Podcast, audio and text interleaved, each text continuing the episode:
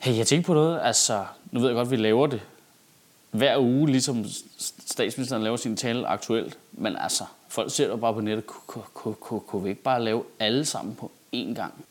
Og så bare sove længe? Hvad? Men det kunne vi da godt. Vi kan da sagtens finde på, hvad der sker. Det er, det samme, det er de samme tre nyheder, der sker hver uge. Vi kunne bare skrive på de samme tre emner, og så optage 50 taler. Du er bare på tværs nu. Okay, så lad os da lave det.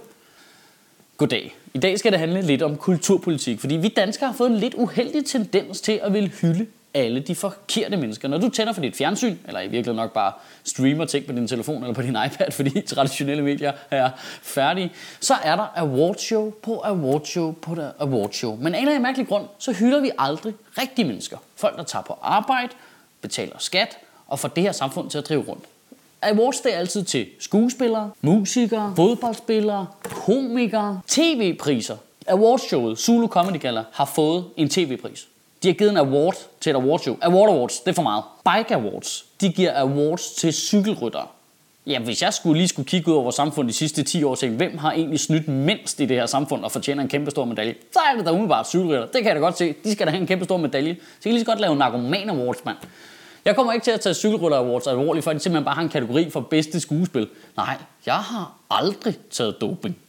Jeg synes bare, det er ærgerligt, at vi ikke hylder mennesker, der har et rigtigt arbejde, går på arbejde, betaler skat og får det hele til at løbe rundt. Hvorfor hylder vi ikke pædagoger for eksempel? Hvorfor har vi ikke pædagog awards inde i fjernsynet, primetime på TV2? Og så, det kan være kendte værter, musik og alt det samme underholdning, og så er kategorierne bare noget med, i kategorien bedste mandlige pædagog uden pædofil og overhovedet, eller i kategorien øh, bedste øh, kvindelige pædagog uden 60% øh, sygefravær, der har vi så ikke nogen endnu, men pointen er, en skuespiller er rigtig dygtig. Jeg elsker selv at se film, der er intet i vejen med det, de laver, men de arbejder to timer om måneden. De er sygt overbetalte. De får mad og tøj, og altså, de finder ikke engang selv på det. Der er nogen, der har skrevet manuskript, de, de står og læser op i to og en halv time, og så skal du sidde og klappe af dem derhjemme i fjernsynet. Hvorfor giver man ikke awards til folk, der skal stå op klokken 5 om morgenen for at aflevere deres børn i institution klokken 6 om morgenen for at komme på arbejde? Og der er ikke nogen, der har skrevet replikker til dem. De finder selv på, hvad de skal sige hele dagen lang. Prøv at tænke på, hvor sygt det egentlig er, at vi kigger på socialrealistiske film om for eksempel en narkomanfar, der opfostrer sin søn og er narkoman, og det er helt forfærdeligt. Så kigger vi på den film, og så kigger vi på skuespilleren og siger, hold op ham skuespilleren, han er rigtig god til at lade som om han har en narkoman, der har det hårdt. Skal vi ikke give ham en medalje? Hvad med den rigtige narkoman? Hvorfor, hvorfor giver vi ikke en award til en rigtig narkoman, der har klaret den og passet sig sådan ordentligt og kommet igennem det? Nej, fuck ham. Vi skal da give det til ham, der lader som om, har fået 1,5 millioner kroner for det. Problemet er, at langt de fleste mennesker står tidligt op om morgenen for at tage på arbejde. De afleverer deres børn i institution, og så knokler de røven ud af bukserne 8 timer om dagen. Så kommer de trætte hjem, de skal hente deres børn, der skal mad, der skal børstes tænder, og det hele skal bare fungere, og de skal i seng. Og når de så endelig har to timer for sig selv om aftenen og tænder for fjernsynet for at få noget underholdning, så er det fandme forventet af dem, at de sidder og klapper af en fyr, der har fået statsstøtte for at bruge ned i en trompet.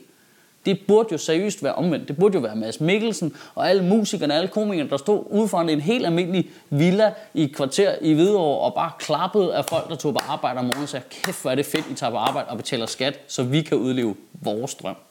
Selv de homoseksuelle, de har ikke deres eget awardshow. De har kun en parade. De har Melodi Grand Prix, det har været tæt på. Men jeg synes egentlig, det med paraden er en god idé. Det er et godt sted at starte. I stedet for at lade alle få awardshows, kunne man ikke så ikke, skulle trininddelingen så ikke være parade først, hvis det går godt, så awardshow.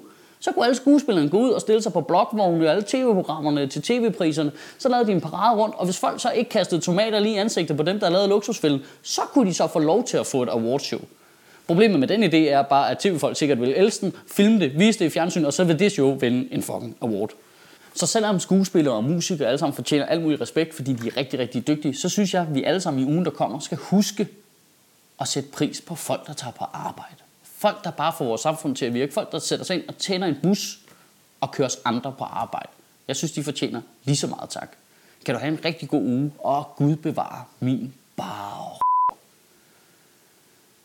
Nå, men så er man da helt stensikker på, ikke at få lov til at optræde til Zulu Comedy Awards, var? Ja, den sidder der lige i skabet. Øv.